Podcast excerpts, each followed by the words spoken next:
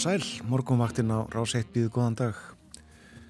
Það er 50 dagur, 14. september, klukkunum vantar rétt rúmar 9 mínutur í sjö og Björn Þór og Þórun Elisabeth búin að koma sér fyrir í sætum sínum við borðið í hljóðstofu 6 í útvarshúsinu við eftirleiti. Það var gott að koma út í daginn, Logni, Reykjavík og heiðskýrt. Ég leið til heimis og fylgist með stjörnum tveimur sem skínu skert tunglið ekki sjáanlegt. Nýtt tungl á morgun eins og það heitir. Og fer svo vaksandi verður fullt eftir tvær vikur. Fimmstega hitti Reykjavík. Hitti við frostmarkinsveðar á Kvanneri norðaustan tveir þar. 6 gráðu hitti í stekisólmi heiðskýrt, hægur vindur. 5 gráður á Patræsfyrði, 3 í Bólungavík, hægur vindur á Vestfjörðum, einstík frost á Hólmavík og Logn. Hitti við frostmark á Blönduósi en sjöstega hitti við Söðunarsvita, 1 gráða á Akureyri heiðskýrt þar Logn, tveggjastega hitti á Húsavík, 3 gráður á Rauvarhöfn, einstík sitti á Skeltingstöðum en einstíks frost á Eilstöðum, allskíja þar. 8 gráður á höfni Hortnafyrði, 7 metrar, 7 steg að hitti á Kvískerjum og 8 metrar þar. 2 gráður á Kirkjubæðaklaustri. 8 steg að hitti á Stórhauða í Vestmanægum, austan 10 metrar fór í 16 í mestu kviðu. 4 steg að hitti í Árnesi, hægur vindur. 2 steg að frost nokkuð víða á Hálendinu. Þó ekki á Holdaverðu heiðinni 2 steg að hitti þar. Og það verður norð-austlægið að breytilega átt á söðaustur og austurlandi í dag, eh, regning þar með köplum líka. Þurft í öðrum landslutum og létt skíjað vestan til. Á morgun verður suðvestlægari átt og væta með köplum þegar að líður á daginn en efirleitt þurft austanlands. Hitin á bylinu 7 til 13-14 stigi við daginn og eh, Á laugardag gengur svo í ákveðina söðaustanátt með vætusömu veðri sunnan og vestanland, segir í hugleðingum veðurfræðings. Það verður eins og var hægara vindur á norðaustanverðurlandinu og þurft að kalla fram undir kvöld. Og hitin söpaður og það er þannig dagana á eftir líka sunnudag og mánudag. Hitin svona bylinu 7 til 14 stig. Svo kólnar í veðri á miðvíkudag í næstu viku en sem sagt ágættis viður nefn á lögadag þá má gera ráð fyrir þessu. Sunnan og vestanlands. Regningur og ekki Grænjandi regningu eða hvað? Já, talsverð úrkoma. Jú það má gera ráð fyrir því það verði grænjandi regning Förum betur yfir veður horfur senna en uh, aðeins að því sem er framöndan í þættinum í dag Bói Ágússon verður með okkur, sesti heims klukkan klukkan hálf átta. Og uh, svo ætlum við að tala um mat, næringafræði Anna Sýriður Óláfsdóttir profesor í næringafræði verður með okkur, var með okkur í vor síðastliðin vetur. Og uh, kemur í dag og líklega næstu 50 daga líka. Og svo ætlum við líka að tala um söpn, söpnamál engum skjálasöpn við förum betur yfir þetta. Allt saman á eftir. Og uh, alls konar tónlist hjá okkur í handriti, innlend og erlend. Og fyrsta lag þáttanins þennan morgunin flyttur Múkisson Já. Kjálfari á spjalli um regningu og rók þá skulum við heyra höstdansinn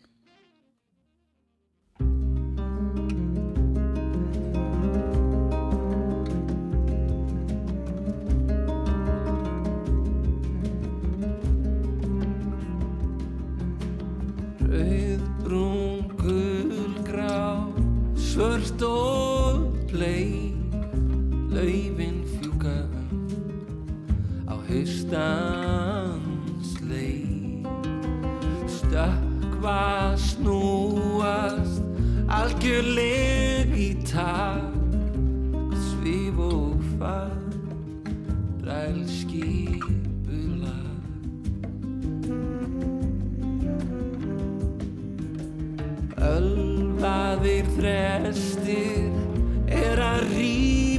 kjátt fljúast á drekka berjarsa kjarrið brakar kvíslar ofur hljó vangaðu við mig í alla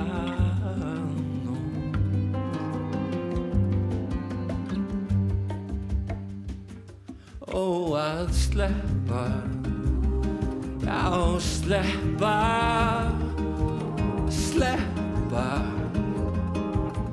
Alveg takinu og dansa. Já, dansa Dansa. Eins og glóð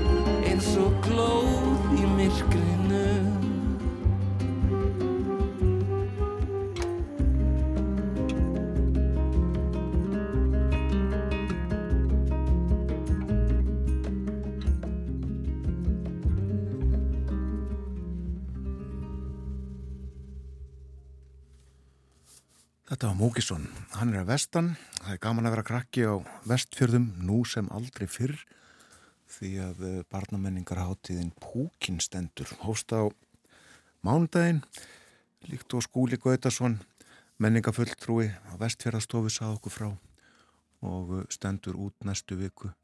Og meðal þess sem er á dagskrá í dag er yfirtaka krakka á eh, Rapseri við Arnarfjörð. Þar verður örglega gaman. En það líður að fréttunum hjá okkur koma á slæginu sjö. Við förum ítalega við dagskrá þáttarins að fréttum loknum.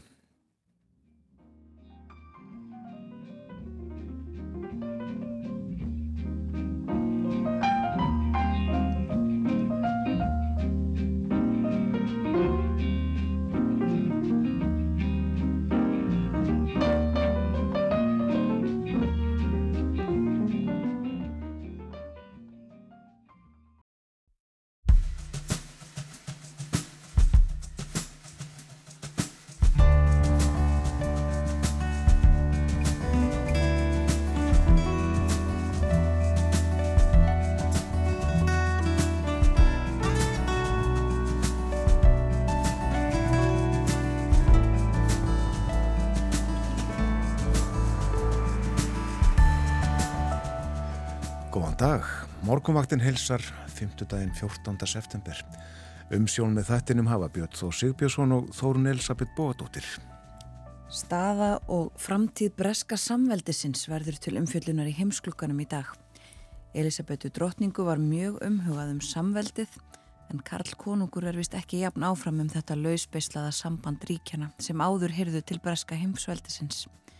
Bói Ágússon verður hjá okkur eftir fretta efliti klukkan halv åtta. Það er að mati sumra vegið að söpnum og sapnastarfi í landinu. Henni sömu segja stjórnmálamenn ekki átta sig á mikilvægi sapna, þar að segja varðveðslu og miðlun sögunar. Þegar borgarstjórna meiri hlutin í Reykjavík ákvaða að leggja niður borgarskjálasapn skipulagði Sigurður Gilvi Magnússon, profesor við Háskóla Íslands, fyrir lestraröð undir yfirskriftinni eru söpn einhvers virði. Sigurður Gilvi verður hjá okkur klukkan hálf nýju og við spyrjum hann um virði sapna. Anna Sigurður Ólafsdóttir, professor í næringafræði, verður svo með okkur á nýjan leik eftir morgunfréttinnar klukkan átta. Þá fáum við raðulaðan dagskamt. Við ræðum í dag um gjörunnin matvæli sem hafa verið til umfjöllunar síðustu daga og um haustið, nýtt íslenskt græmmeti, sláturtíð og fleira. Gertilegt. Veðurhorfurnar, það verður norðaustlægða breytilega átt í dag, vintraðin að 10 metrum á sekundu, rigning með köplum á söðaustur og austurlandi, 30 örunarslutum og létt skíjað vestan til. Og hitin í dag 7 til 13 stygg og sé spákortið skoðað má sjá að uh, sólinn mun skína víða á landinu og það bara nokkuð glatt.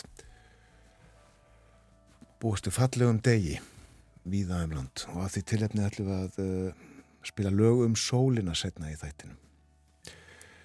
En lítum í blöð byrjum á fórsíðu morgunblaðsins þar sem að uh, sjáum á meðal annars mynd af manni mála listaverk á vegg. Og þetta er Einaröld Bendiktsson Sigumóli það verða að skreita verslun smekkleisu og uh, breyta þar einhverju kom upp kaffihús síns mér og uh, hann boðar líf og fjör þarna við uh, hjartatorkið sem að þykki nú mishetnað aldeilis grátt og mannlíf á skortnum skamti en uh, þörfur á miklum fjárfestingum í hjúkrunarími á næstu árum. Þetta segir Hatta Tórótsen sem er forstjóri Soltúns hún segir stefna í gríðar mikinn vanda. Á næstu 15 árum sé þörf fyrir ríflega 700 hjúkrunarími í Reykjavík en algeng stærð á hjúkrunarheimili er 80 rými. Sætt líka frá uh, því að Ólafur Eliasson, myndlistamæður, uh, var að hljóta verlun sem að uh, sögður vera Nobels verlun listaheimsins Premium Imperial heitaðu, eitthvað svolítið og svo er það Jón Viðar Jólmundsson, landbúnaðafræðingur sem að hefur fundið, ef svo má segja, nýtt erðafyrirbæri í söðkindinni. Já, hann hefur uh, uppgötað uh, áður óþægt að söða liti. Byrtir mynd af uh, hrútnum Ulfi sem er Ulfgrár að lit og sagt líka í ítalegri umfjölluninni í blæðinu frá kvítulambi undan dökkum foreldrum. Þetta er fórsíða morgunblæðis.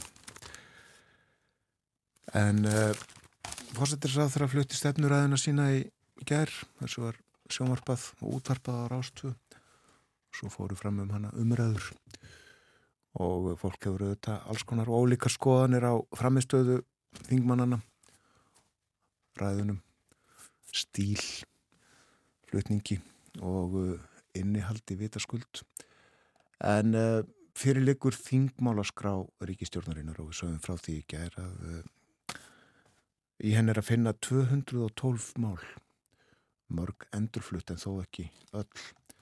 Fósætisráð þeirra leggur fram, það bóðar áttafrumvarp á þinginu meðal annars mannréttindastofnun Íslands og frumvarpi laga um almennar sangirnisbætur. Dómsmálar á þeirra með fjöldan allan á málum, en 20 sínist mér. Og uh, það var að breyta vopnalögum og uh, lögum um kirkjugarða, greftrun og líkbrennslu. Það mál snýst nú um rekningshald kirkjugarðasjóðs og uh, þannig eru bóðaðar líka þessar búðir sem að tala hefur verið um. Félags- og vinnumarkaðs ráð þeirra flyttur frumar til laga um atvinnleysistryggingar það er uh, heldarlög um atvinnleysistryggingar sem eru bóðuð og uh, mál ráþurans alls 14 og fjármálar ráþurann með uh, 20, 31 mál hvorki meirinu minna og þar fyrir auðvitað mest fyrir fjárlagafrunarspinu en hann mælir fyrir því á þingfundi í dag uh, þingfundur hefst klukka nýju og uh, rættum fjárlagafrunarspið í dag og á morgun. Háskóla, yðnaðar og nýskupunar á þeirra er með uh, 11 mál og meðal annars frumvar til laga um kríu nýsköpunarsjóð þá var samin alla sjóði undir áðanettinu þá sem að snerta nýsköpun þar að segja með einu með öðrum hætti. Heilbriðs á þeirra hann ætlar að leggja fram 15 mál á þinginu og uh, þau eru alls konar og uh, ólík ná til uh, livja og til tópaksvara breyta líka sótvarnalögum leggja fram frumarpum uh, hildarlög þeim málaflokki. Og innviðar á þeirran ætlar að vera döglegur í vetur með 24 mál og matvalar á þeirran með uh, 13 og uh, þar fer auðvitað mest fyrir uh, frumarpi um breytingar á lögum um stjórn fiskveða sem margir býða spendur eftir menningar og viðskiptar á þeirra áformar að leggja fram 25 mál, menta og barnamálar á þeirra, ein 14 og umhverfis orgu og lofslagsráð þeirra, hann ætlar að leggja fram 29 mál, auðvitaðrækisráð þeirra, að lokum eh, 8. Já, við eh, förum með tölfræðina í þessu, þessu sinni. Eh, það má finna þetta auðvitað á eh, bæði við valdingis og stjórnaráðsins og skoða þetta ítalega hefur nú verið sagt frá einhverja af þessu í frettum svo sem bæði gær og fyrradag en uh, í gær komu inn uh, mál sem að þingmenn ætlaði að beita sig fyrir þingmannamál og uh, þar má nefna að Þórarinningi Pétursson hefur lagt fram tillögu til þingsálugtunar um þjóðaráttak í landgræðslu og skórekt og Birgir Þórarinsson hefur lagt fram tilugu um friðlýsingu nær umhverfis stjórnaráðshúsins.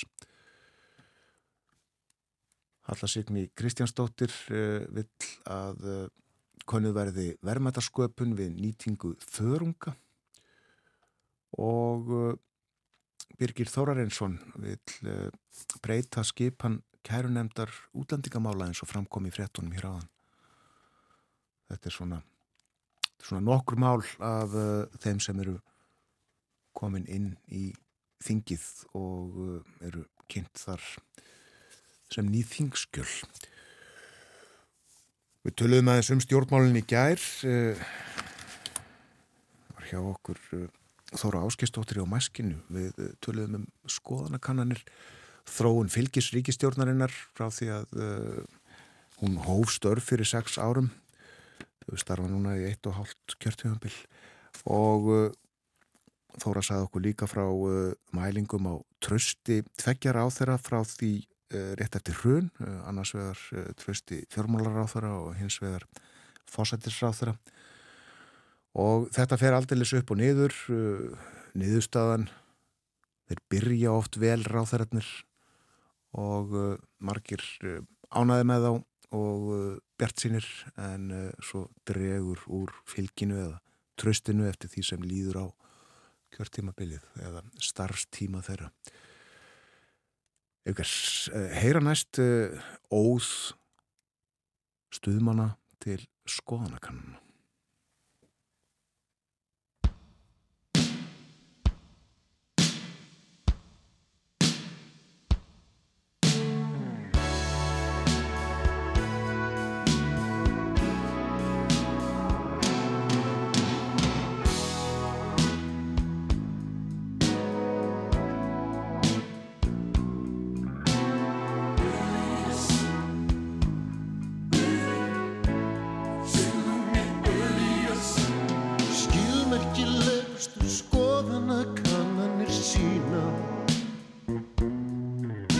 Svo skýrlega að næstum er óhægt að draga ekki efa.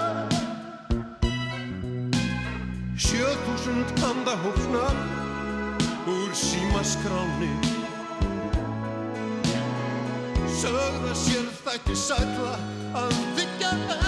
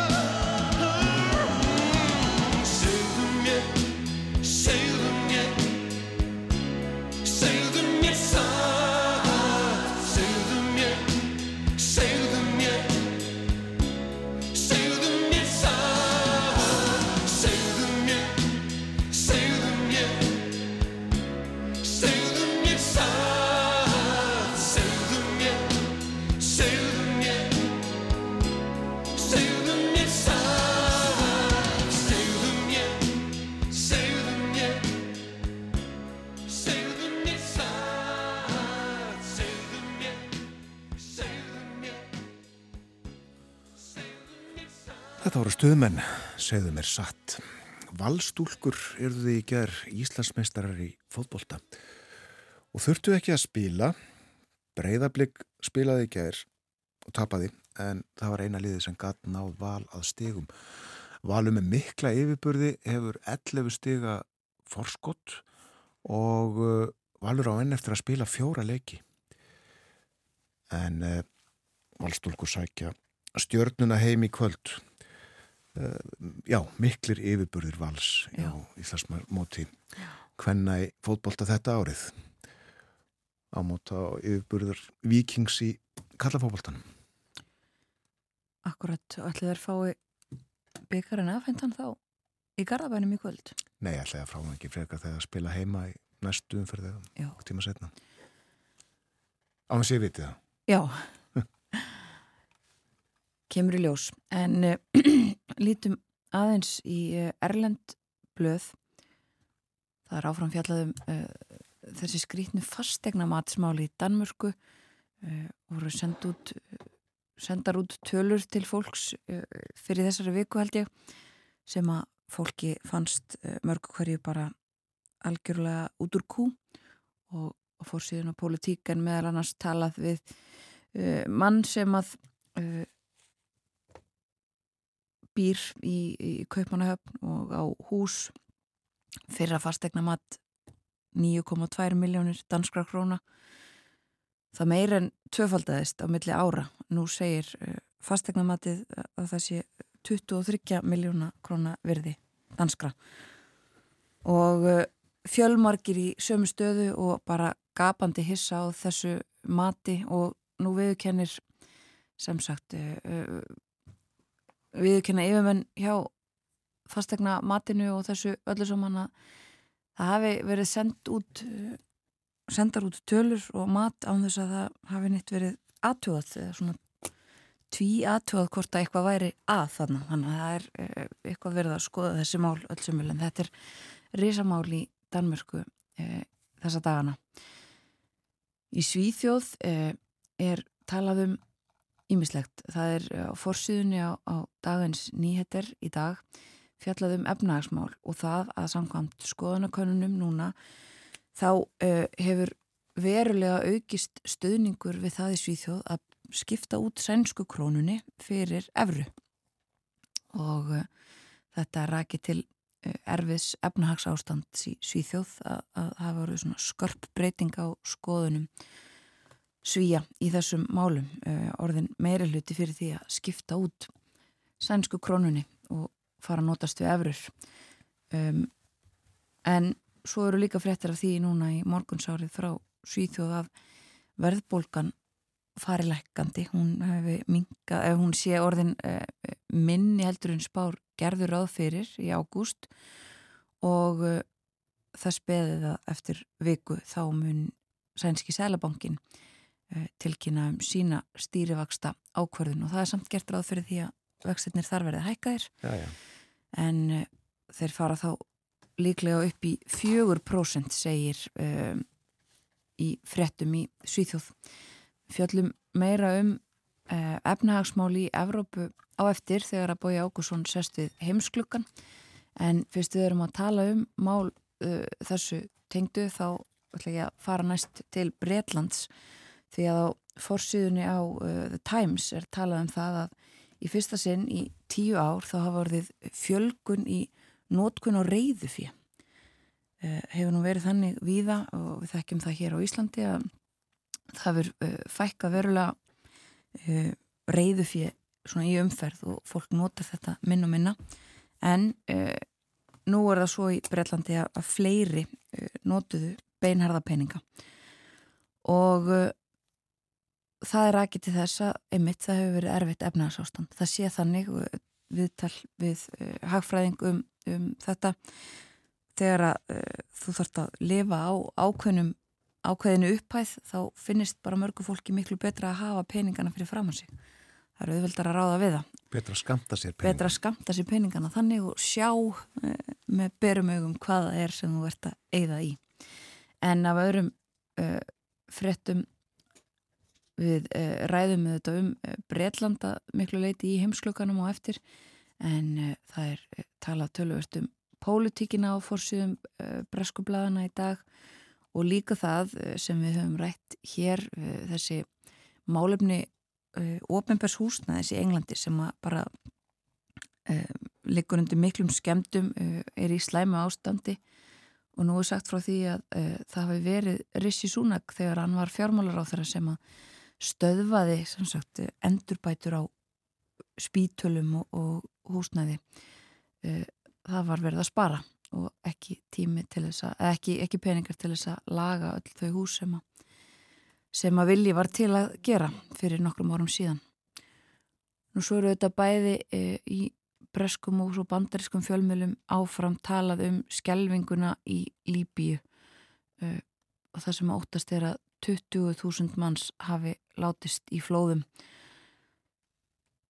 Og fjallaðum þetta, já, víða uh, sagt frá því á breska ríkisútvarpinu að, nú sé verið að fjölga í erlendu björgunarliði og björgunar aðstóð uh, á leið til og eða komin til Líbíu til hjálpar. En það eru heilu þorpin og bæjarnir sem að hreinlega hafa þarna þurkast út og að lókum aðeins frá bandaríkjunum sagt frá fundi sem var haldinn í, Washington í gær uh, þar sem að komu saman til fundar þingmenn, þing, leðtóar, þingflokka og yfirmenn og stjórnendur helstu um, tæknifyrirtækja heims. Þannig voru Elon Musk hjá Tesla og forstjórar uh, Facebook og Google og uh, Microsoft og, og fleiri og fleiri og haft eftir Elon Musk að það sé yfirgnefandi meiri hluti fyrir því að það verði komið böndum á gerfigrind. Það þurfi að grípa til aðgerða, það verði að setja lög og, og hafa einhverja stjórn á þessu öllu saman. Þetta var til umfylgjunur á lokuðum fundi í, í Washington í gær.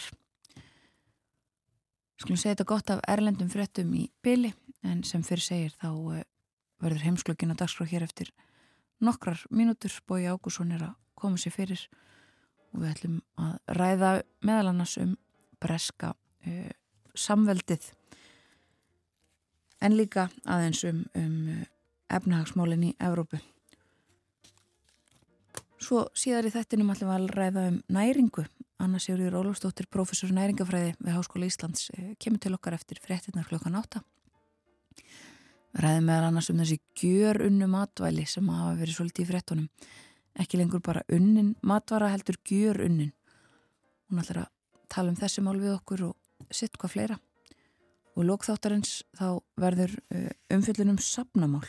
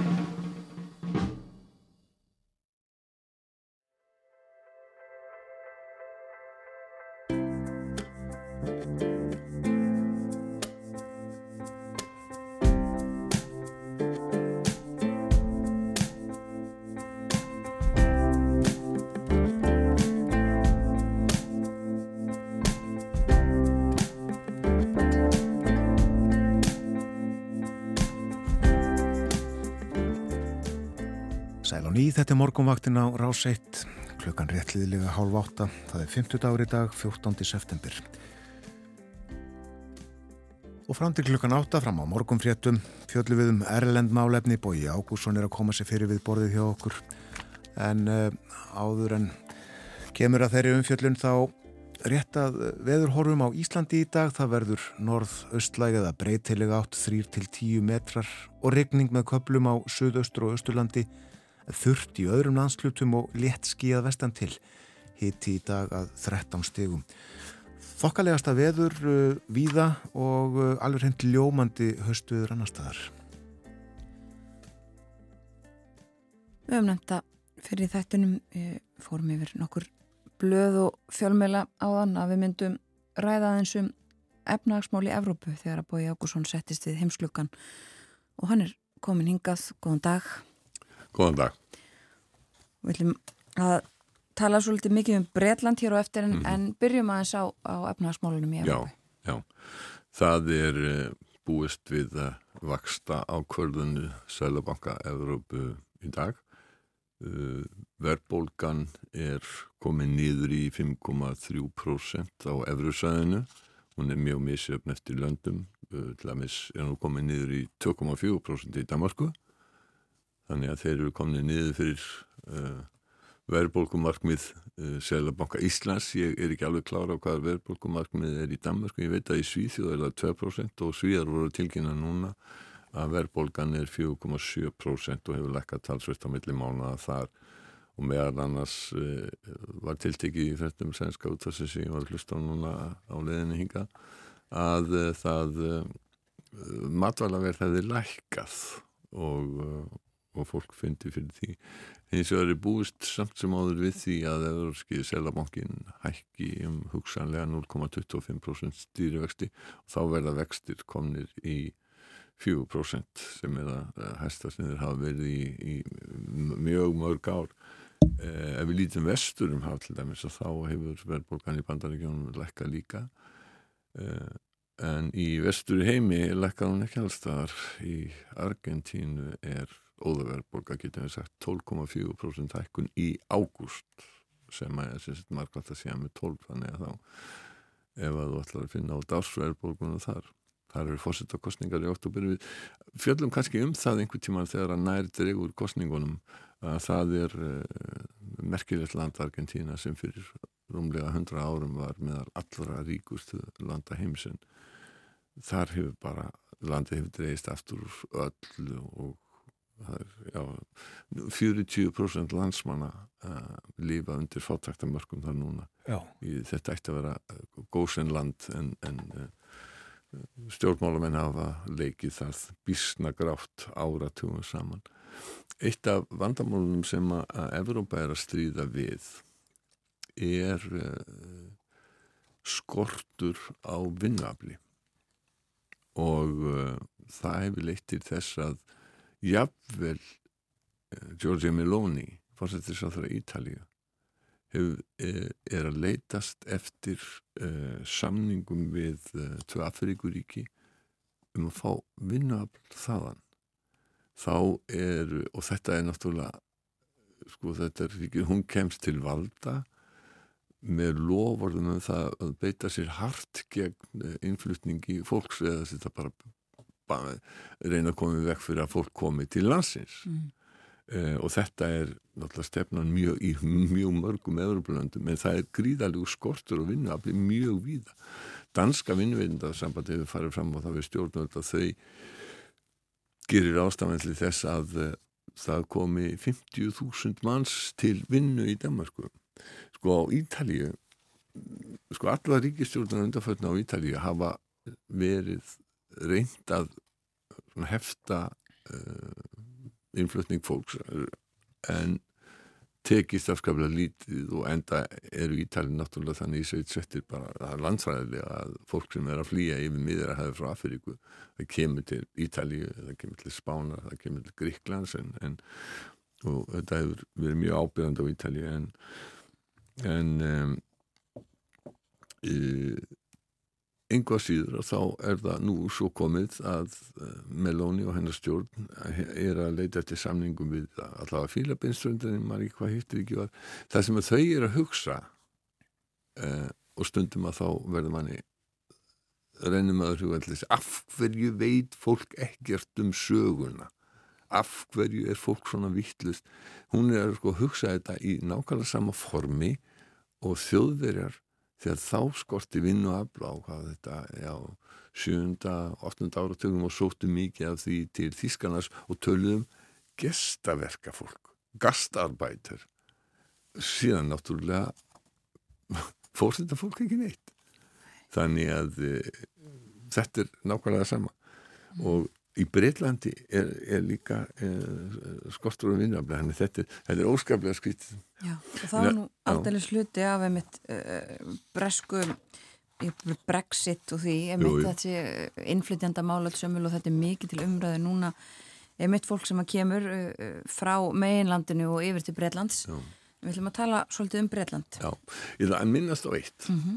vegna þegar ég var að keira hinga núna áðan á leðinu hérna rétt fyrir sjö keiri með þann flóanum sem var afskaplega fagur, speilsléttur og fagur. Og þar úti lónar skemmtifærðarskip eitt af, ég veit ekki hvað hundruð sem hafa komið til Íslands í sumar. Mörg þeirra fara síðan til Grænlands og það mér finnst skrítið að við Íslendingar skulum ekki hafa fjallað meira um það að það er strandað skemmtifærðarskip á Östur Grænlandi með 200 mann sem borð. Sko næsta varskip er Íslenskt var ég þessi Þór í hvað rúmlega eins eða háls annars sólarhing hérna, siglingu frá þessum strandstað. Veðrið er gott en hvað ef að veðrið versnar skyndilega? Við erum við fjöllum ekki neitt um þetta. Þetta var, það var fjallað um þetta í NBC-frettunum í, í bandarækjumum í gær. Já. uh, en við erum ekkert að fjalla um þetta. Ég eiginlega næ ekki sko þetta er náttúrulega stórkoslega hættilegt og hlutu sem er búið að vera að benda á mjög lengi að uh, öll þessi umferð, skemmtifærð að skipa hún, hún hefur hætti í förmjössu Já. Jó, Breitland Já, það var talað um það, bara að nefna það að í gær var, uh, og Þór var í viðbröðstöðu en, en þá komum þær fréttir gæra að, að hann þyrtti ekki að fara þarna Nei. til Grænlands. En, en frekar fréttir hefur ég ekki séð af Ég hef allavega stöðu ekki- mála. Nei, ég hef allavega ekki séð að skipið hafi losnað á staðanstað Nei, og en já, hvað á að gerast ef, ef, ef, ef, það tekst ekki? Hvernig á að bjarga þessum fartum einmitt. Við fylgjumst með þessu en förum til Breitlands, já, Já. Uh, Það er uh, um það bil ár frá því að Elisabeth Drottning fjall frá. Já. og uh, er verið að fjalla svolítið um stöðuna vegna uh, þessara tímamóta. Það hefur gert það Já. og við ætlum að tala um breska samveldið. Já, það var eitt af því sem að, hérna, var, var að tala um ég ætla að vísa svona uh, í byrjunni í frétt sem að var hérna hjá okkur í, í, í Rúf í útvarpuninu minni mig þar sem að Ragnhildur Eilin Klausen annars stopnanda hins íslenska royalistafélags talaði um fyrsta árið sem að Karl hefur hef verið kongur og sagt að hann hefur komið mörgum og óvart uh, og hann hefði ekki stíðið fylspor um, uh, og uh, hann hefur gert afskaplega vel og öll fjölskyldan hefði þjappað sér saman um, já já. Uh, en það er þetta með með uh, samveldið. Þetta var eitt af helstu hugðarefnum Elisabethan annarar var breska samveldið og að viðhalda tengslum við löndin í samveldinu. Sko hún var raunar þjóðhæðingi í nokkrum þeirra á einhvað annartug uh, landa og hún lagði mikla áherslu á heimsækja löndin og láta börnin sín heimsækja löndin til dæmis Karl, hann ferðaðist mjög mikið uh, til landana uh, og rekta þannig tengslinn Karl var allir í skóla í Ástralíu um, um, um tíma Uh, og Karl, eftir hann tekur við og þá er hann ennþá þjóðhöfningi í held ég 5, 14, 15, 16 löndum eitthvað svo leiðis um, móður hans var í upphafi náttúrulega þjóðhöfningi meiri hluta landana sem voru í breska heimsveldinu þá eða samveldinu sem breyttist í um, skömmu eftir að hún var drottning og svona um og upp úr 1960 þá öðluðust Um, eiginlega alla nýlendur breyta í Afríku sjálfstæði eh, Botswana, Ghana, Gambia, Kenya Lesotho, Malawi, Nigeria Gambia, Sierra Leone, Suður-Afrika Súdan, Tanzania eh, Uganda og einhverja fleiri sem að hérna, við getum séð að þetta er heil hellingur af löndum mm -hmm. Eh, raunin áttu að breyta líka nýlendu í Európum það geymir fólk oft. Já. Fyrir utan Gíbraltar sem er talin held ég stjórnarskipunarlega hluti af Breitlandi eh, þá var það Malta. Malta var bresk nýlenda þá 1964 uh, og uh, Elisabeth var þjóðhengiðar fram til 1974 þegar þeir uh, breyttum og, og hérna urðu líðveldi og fengur sér fórseta Já, þú nefndir þetta aðan sko þetta voru uh, löndin í heimsveldinu breska uh, sem var það samveldinu, var, var það bara þannig að, heimsveldið breytist í samveldi? Já, það má svo sem segja það að stóru leiti hafið, að, hafið svo breyting verið sko. Samveldið núna eru, eru samtök, þetta eru 55 ríki og Breitland og þau eiga það sammeilegt að þau eru nánast öll, nánast undan tekníkalöst fyrirandi nýlendur um, breyta. Svona stærstu löndin eru Índland, Pakistan, um, Ástralja, Kanada, Nýja Sjáland og svo þessi lönd sem vorum að tala um í Afríku og svo, uh, og svo lönd uh, e, svona eithjóður í Karibahavi. Já. Raunar heitir þetta núna formlega samveldi þjóða en ekki breska samveldið um þriðungum mannkinn sem að býr í þessum löndum en uh, núna eiga þau fátt annað sameiginlegt heldur en þessu gömlu tengsl við Breitland og að ensk tunga er mjög mikið nótuð og í sumum þessara landa er hún ofinbært tungumál. Um, þau voru öll hluti af breska heimsveldinu. Þegar heimsveldi mólnaði þá vildu stjórnvöldi í Lundunum reyna að halda í tengslin og áhrif uh, í gegnum samveldið. Um, en sko samveldið er það er ekkert eins og Európa-sambandið eða, eða jável ekki eins og sko, saminniðsjóðurnar eða, eða neina undur svona alþjóðlega samtak, það er ekki yfirþjóðlegt vald. Það hefur engar samíðinlega stopnarnir aðra heldur en Commonwealth Secretariat sem er í Lundunum sem að á svona samhæfa samskipti ríkistjórna en hefur ekkert bóðvald sko. Það er engar reglur eða reglugerðir sem að uh, þeir hafa talað um svona samveldis hugssjónir og lagt þetta áherslu á líðræði og annað en fjöldin að þessum ríkjum er engin líðræðisríki. Nei. Það hefur komið fyrir að samveldisríkjum hafa verið vísað úr samveldinu þegar að uh, jafnvel harfstjórum í Afríku hefur ofbúðu hvað einhverju aðri harfstjórar í Afríku hafa verið að gera og það voru margir sem spáði því að samveldi myndi ekki lífa lengur heldur en Elisabeth en nú þegar árið liður frá döðainar þá er einmitt farið að tala um sko, mjög samfél hver, hver, hver er framtíð samveldisins Já, og, og hver er hún? Er hún framtíðin björnt? Ekki segir Stuart Ward, professor í sögubreska heimseldisins við um, Hafnarháskóla um, hann var í viðtali við, við danska útvarpið fyrir, fyrir nokkuðum dögum og hann segir að samveldi sé í vanda það sé ég eiginlega ekki til neins og það sé langt síðan að það hefði haft einhverja pólitíska eða efnahagslega þýðingu. Og sumið segja að það eina sem að sé eftir séu Commonwealth Games samveldist leikarnir sem eru haldnir á fjóru ára fresti. Síðustu leika voru í Birmingham á Englandi í fyrra. Þeir næstu áttu að vera í Viktoríuríki Ástralíu 2026 en uh, yfirvöldi í Viktoríuríki um, þátt að vera mikil opnaháttið í Melbourne og svona, en yfirvöldi Viktoríu ríki hafa nú séð að eftir uh, endur skoðaða kostnæðar á ætlun við höfum ekki efna á þessu Já. og það er ekkert annað land í samvildinu sem hefur búðist til þess að halda þess að leika Ástralska ríkistjórnin er aðtók hvort hún gæti svona driftið sér landið allt og haldið þetta kannski í minna formi heldur en hefur verið árið setna um, þannig að um, já, það. Þannig að meira segja þetta. meiri að þetta sko. Mm, þetta er að hafa verið svona mín í olimpíuleikar sko um, þessi Stuart Ward uh, sem ég var að tala um hann segir sko það, það eru óformlega samskipti á milli landana það eh, sækja margir mentun til annar samveldisríkja og svo hittast þjóðarleituvarnir á 34 ára svesti en það er bara kæfta samkoma það er ekkit álíktað eða eitt eða neitt.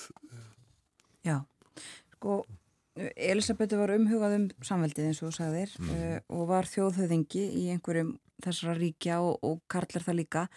En uh, má búast við því að einhver þeirra verði já, hætti að hafa þjóðhauðingja og verði líðveldi með Já. öðrum hætti? Já, já, já, það hafa verið rættir í mjög mörgum þessara ríkja sem vilja breyta þessu. Jamaica um, og Ástralja eru þar kannski fremst í flokki. Verkamannflokkurinn í Ástralju sem er við völd núna hefur þá stefnuskráni að, að gera landið að líðveldi Antoni Albanese fórsættisráður hefur líst yfir að hann vilji koma þessum breytingum í, í gegn en það getur tekið tíma. Og stjórnarnarstaðan, hægri stjórnarnarstaðan er á móti og þetta gæti orðið deiluefni og það er ekkert víst, þetta er ekki svo sko, það er ekkert víst að, að, hérna, að menn hjóli í þann slag sko.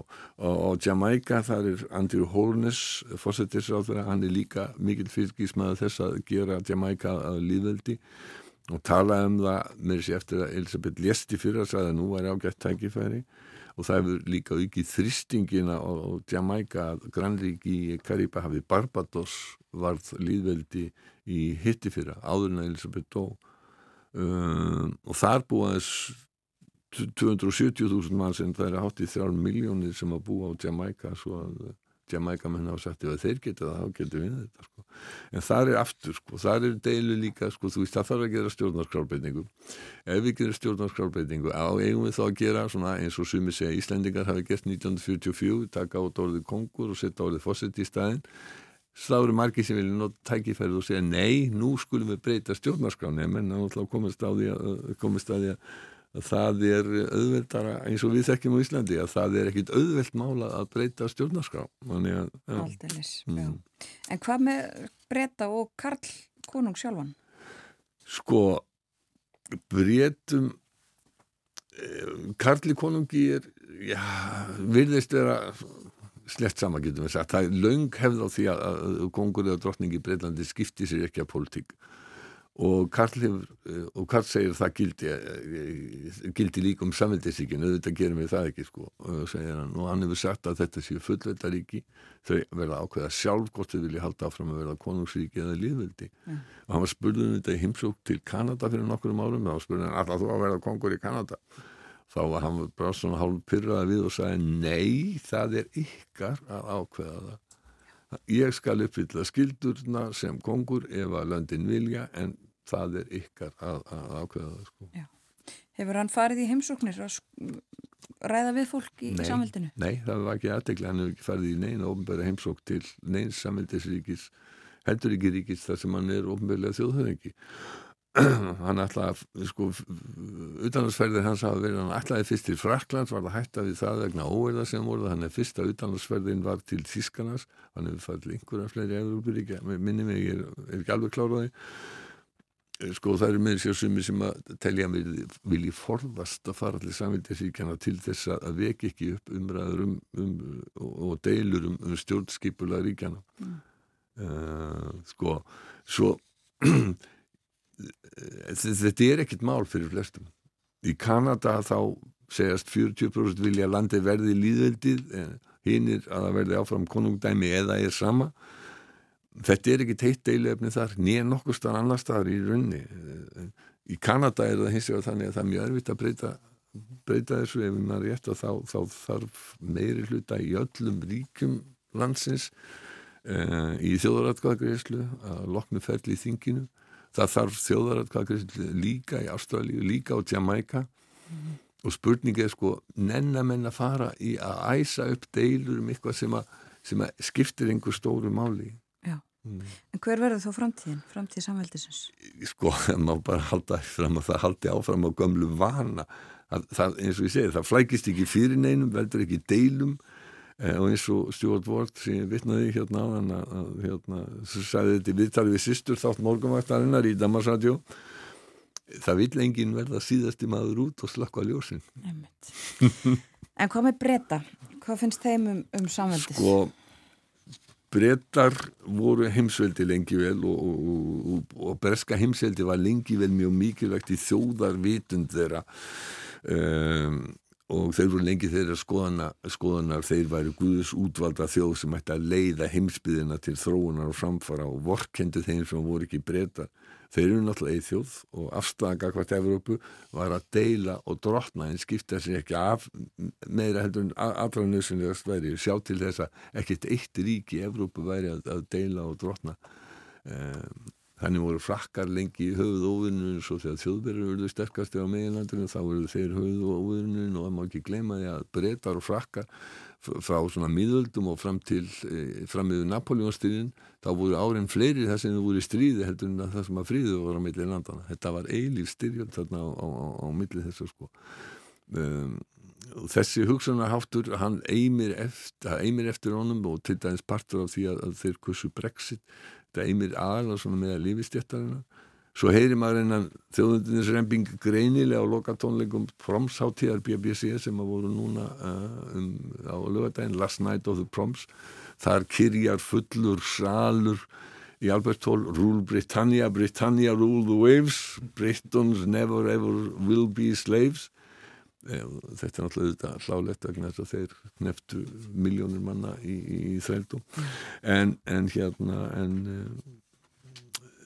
það sem hefur hérna borðið vakið aðtegl líka er að, að á undanfjöldum árum að þá hafa menn verið að veifa Evrópuflökkum það hefur verið algengt að veifa breskafánum en frá Brexit hefur verið mjög mikið af Evrópuflökkum veifað í, í, í Albert Hall. Já, á þessum tónleikum. á þessum tónleikum og það er fólk sem að vil hérna, þetta fyrir töðarnar á Brexit sinum Daily Telegraph hérna, spilaði til dæmis eh, nei, eh, krafðist þess til dæmis að það er rannsókn á þessu máli. BBC segir þetta fyrir ekki fólk fær að hafa þá fána sem að það vil Já, en uh, voru þessi tónleikar uh, einhvers konar þjóðurnis óður, breskur? Nei, við getum ekki sagt að þetta var bara mjög skemmtileg fjöldasamkoma og það var allir norsk sopransöngkona Lísa Davisen sem var aðalnúmerið, hún söngur úr Britannia og hafði áður sungið alveg indislega uh, Bakianas Brasiliaras nr. 5 sem er aðja fyrir sopran og cello eftir heitur Villa Lobos, brasilíska tónskóldið Um, það var Marín Alsop sem var bandarískur stjórnandi sem var þarna sko. Og, og hérna þannig að þetta var all, alls ekkert sko en hefðbundna dagskrafin þarna undir lokin er svo að uh, það er sungið úr Britannia, það er sungið í Jérúsalem sem er, er svona eiginlega sálmur, ljóð eftir William Blake og lægið eftir Sir Rupert Parry. Þessu kynntist ég fyrst já, já. Í, í útgáfu Emerson Lake og Palmer Við ætlum að spila, má ekki bara fá okkur til þess að spila hérna þetta eftir frettir, það sem að þann litla part sem að, eða eiga við getum, við getum sett það í loftið uh, núna, Heyr, heyrum aðeins í þessu, þetta er uh, Land of Hope and Glory af þessum tónleikum. Af þessum tónleikum og maður getur sko heyrt stemminguna þarna og í lokin heyrum við afkynningu Katie Derham sem, nei. Nei, við náðum þess ekki, eða hvað?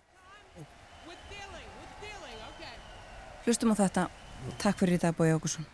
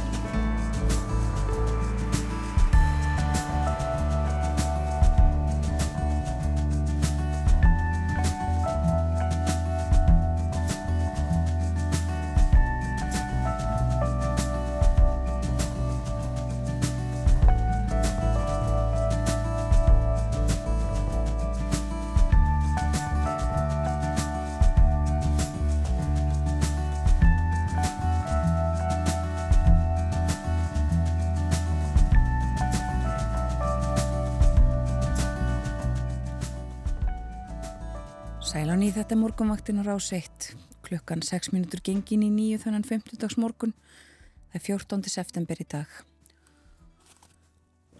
Og ágættis veður á landinu. Norðaustlega breytileg átt 3 til 10 metrar á sekundu og rigning með köplum á söðaustur og austurlandi en 40 öðrum landslutum og létt skíjað vestan til í dag. Hitin 7 til 13 stig víða. Á morgun Suðvestlægari átt og væta með köplum þegar að líður á daginn en yfirleitt þurft austanlands. Hér aðan var hjá okkur Bói Ágússon, settist við heimsklukkan eins og yfirlega á 50. smórnum og uh, við rættum aðalega um breska samveldið, uh, Breitland uh, og mikið talað um þessi tímamót hjá konungsfjölskyldunni og nýjum þjóðhæðingja ár liðið frá því að Karl varð konungur réttur umlega það. Hann hefur ekki sama áhugan á þessu braska heimsveldi eða samveldi eins og það heitir núna og, og móður hans hafi og í lok spjálsins leikum við brot úr uh, Land of Hope and Glory. Þetta var upptaka frá uh, lokatónleikum Proms tónleikaræðarinnar Last Night of the Proms. Og uh, hér á eftir minnum á það þá munum við ræða um sapnamál Sigur Gilur Magnússon, professor í menningarsögu verður gestur okkar klokkan halv nýju og við ætlum að ræða um þessi mál. Við hefum gert það nokkur sinnum á morgumvaktinni en næstu mínúturnar er komið af næringafræði ráðlögum dagskamti Anna Sigurður Ólafsdóttir, professor í næringafræði við Háskóla Íslands er snúin aftur til okkar, góðan dag. Góðan daginn, gaman að vera komin aftur. Gaman að fá þau aftur. Uh, Þú ætlar að vera með okkur í nokkur skipti í haust núna og uh, við byrjum í dag, uh, ég þarf alltaf nóg að tala um en við ætlum að tala um svo litið sem hefur verið í umræðinu síðustu daga og eru, ef við þekkjum unnin matvæli en nú er talað um gjör unnin matvæli. Og við ætlum að tala um þetta næstu mínutunar, bara hvað þetta er og já, hvernig maður á að umgangast þetta kannski. Hvað eru gjör unnin matvæli já. og hvernig eru þau svona öðruvísi heldur unnin matvæli Ég hef nú bara byrja að segja sko hvað nýtt orð getur breytt miklu í samfélagsumræði og hvað það getur haft kannski áhrif á vitundavakningu og sína hvað er mikilvægt að við við heldum okkar tungumáli. Eh, þannig að við höfum líka verið að nota orð eins og spaðunnin um þetta af því að það er eiginlega bara búið að hakka ráefnin í spað og breyta þeim á allan hátt, þau er ekkit lík sínum uppbruna og ég hef talað yfirleitt um ofurunnin matvali af því að mm -hmm. þetta er þetta þarna svona ultraprósest er enska orðið. Og það sem er náttúrulega það er veldisvöxtur í þessum rannsóknum á síðustu árum. Og mér fannst svolítið áhugavert að okkur hvernig þið setja þetta fram hérna þegar þessi frétt komi upp af vikuna sem að sko ég held að hafi kveikt í fólki var orðið en þá var það líka það að heilsuvörur væri ekki jafn heilsusamlegar og þú heldur. Akkurat. Og þetta er kannski það, svona stóra málið að þegar við, og ef við horfum bara á þessa flokkun og flokkunin sem að þið settið ofsalega flott fram hérna inn á síðun ykkar, hérna hvað veist þú um gjöruninn matvæli? Við hvet alla til að skoða það því að það sýnir í raun og veru hvað þetta er flókið og Nova kerfið sem það er að setja fram er bara ein af þessum leiðum til að reyna að ná utanum þetta flókna fyrirbæri sem að matur er orðin. Matur er ekki það sama að var fyrir kannski áratöku eða tveimur síðan. Nei. Hvað þá þegar við horfum til sko, eh, ungda, þegar fóreldra okkar voru ungir eða ömur okkar á afar.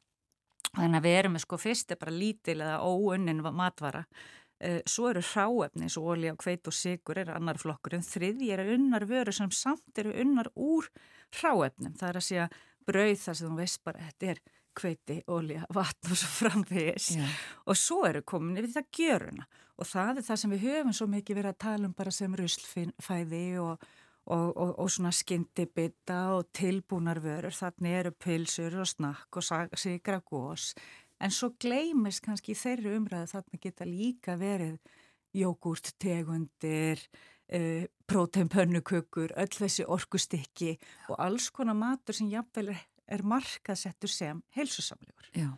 Og þetta svona veldur kannski ákveðnum áhyggjum og, og þetta er svona það sem við erum að draga fram að, að ert að borða mat eða ert að borða eitthvað annað. Mm -hmm. En þá vil ég líka segja tengt þessu að þá erum við þetta í ákveðinu vanda með það að rannsóknirna sem er að sína neikvæð áhrif af nýstlu gjörunina matvæla að það er byggja á því að horfa á mataræði, þetta eru faraldsfræði rannsóknir það sem við erum að horfa á í raun og veru heilsufar 10-15 árum uh, eftir eða fylgja fólki eftir í þetta langan tíma. Já. sum þessara matvæla voru ekki til þegar þær rannsóknir fara af stað Þannig að þetta er líka ofsalega flókið upp á að horfa á sko hvar er orsakasamband í raun og verð. Já, já. Eh, þannig að það þarf að passa sér svolítið og eins og núna voru að koma svo út nýjar norrænar ráðleggingar í sumar sem ég ætla svona stikla stóri með okkur núna í haust og þarna og það er okkur að vera að segja sko þeir ákveða að taka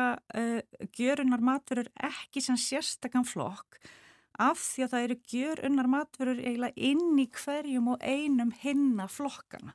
Ná horfir að mjölk og mjölkufurur þá er það ekki allt gjörunum matvara sumt er ráöfni og annað er unnin matur og svo ertu með gjörunum mat þannig innan hvers flokks rúmast allar tegundir og það er svolítið erfitt að einhvern veginn þarna þartu að vera með svolítið vel næringar eða fæðu læsan einstakling til að geta valið rétt. Og þannig að þetta er svona uh, að einhverju leiti ofur einföld en að við ætlum bara að, að skella fram einhverju orði því að við þurfum svo að fara þá að tæmi okkur að kunna nota þetta. Já. og þannig að þetta sýnir bara svona að, að sko orðið er flókið, hugtakið er flókið. Við hefum líka eftir að lenda því okkur þetta er gjöraunin eh, matværa. Er það orðið sem við munum nota, það er mjög gott ef við getum fengið bara, þú veist, orð sem að hjálpa okkur að skilgreina hlutina. En það sem er ljóst samt er að gallanir eru miklu miklu fleiri en kostinir Já. og þetta er mjög ókveikjandi ef við förum að lesa þær ansóknir sem eru að sapnast saman um eh, þarna neyslu ámikið unnum mat. Og þá eins og ég segi þá er kannski staðfastara í tengslum við þessar vöru sem við bara þekkjum sem, sem ruslfæði en þá erum við að tala um sko næringagæðin og inn, næringarinnihaldið er minna. Það er oft skortur á trefjum og þannig að við erum að horfa einhver aðra samsetningu en líka þessi áferð og upplifun er að hafa áhrif á til dæmi svona hvernig matar hegðun þú mótar þannig að settu stjórnin tapast. Við sjáum rannsóknir sem sína að þýndastjórnun verður erfiðari. Eh, meldingin hún verður verri, þarmaflóran breytist, þetta sjáum við allt og er hægt að segja síðan svona svolítið akút áhrif Já. en svo hefur þetta líka verið tengt við hjart- og æðasugdóma þar á meðal hækkaðan blóðþrýsting, sykusíkja typu 2, þunglindi, sömkreppamin og stittri lífslíkur. Og þetta er náttúrulega bara ansið svona sláandi list ef maður horfir á þetta í heild hvað rannsóknir eru að sína þessar faraldsfræði rannsóknir og þá þú horfir á móti hvað er kostirnir. Eh, stundum viðbætt næringarefni þar að segja að þú gæti verið að fá viðbótara næringarefni sem væri ekki að fá á matnum.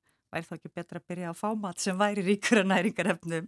Eh, geimslu þólið er gott og það er kannski hluti af eh, ástæðanum fyrir framleiðislega á sumavissu Já.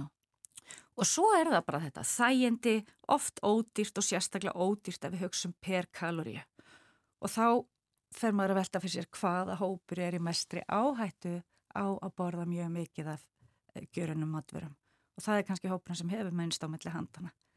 Bönnum er það sött og glöð, þetta er skyndi, orka, skyndi, gleði uh, þannig að, að þetta er svolítið flókið og þá okkur verða kannski kostirnir aftur að göllum. Já, en sko eh, að því að þú nefnir þetta mitt, ég finna það er sumt svona bara sem við vitum alveg að er mjög mikið unnið og ekki holdt fyrir okkur.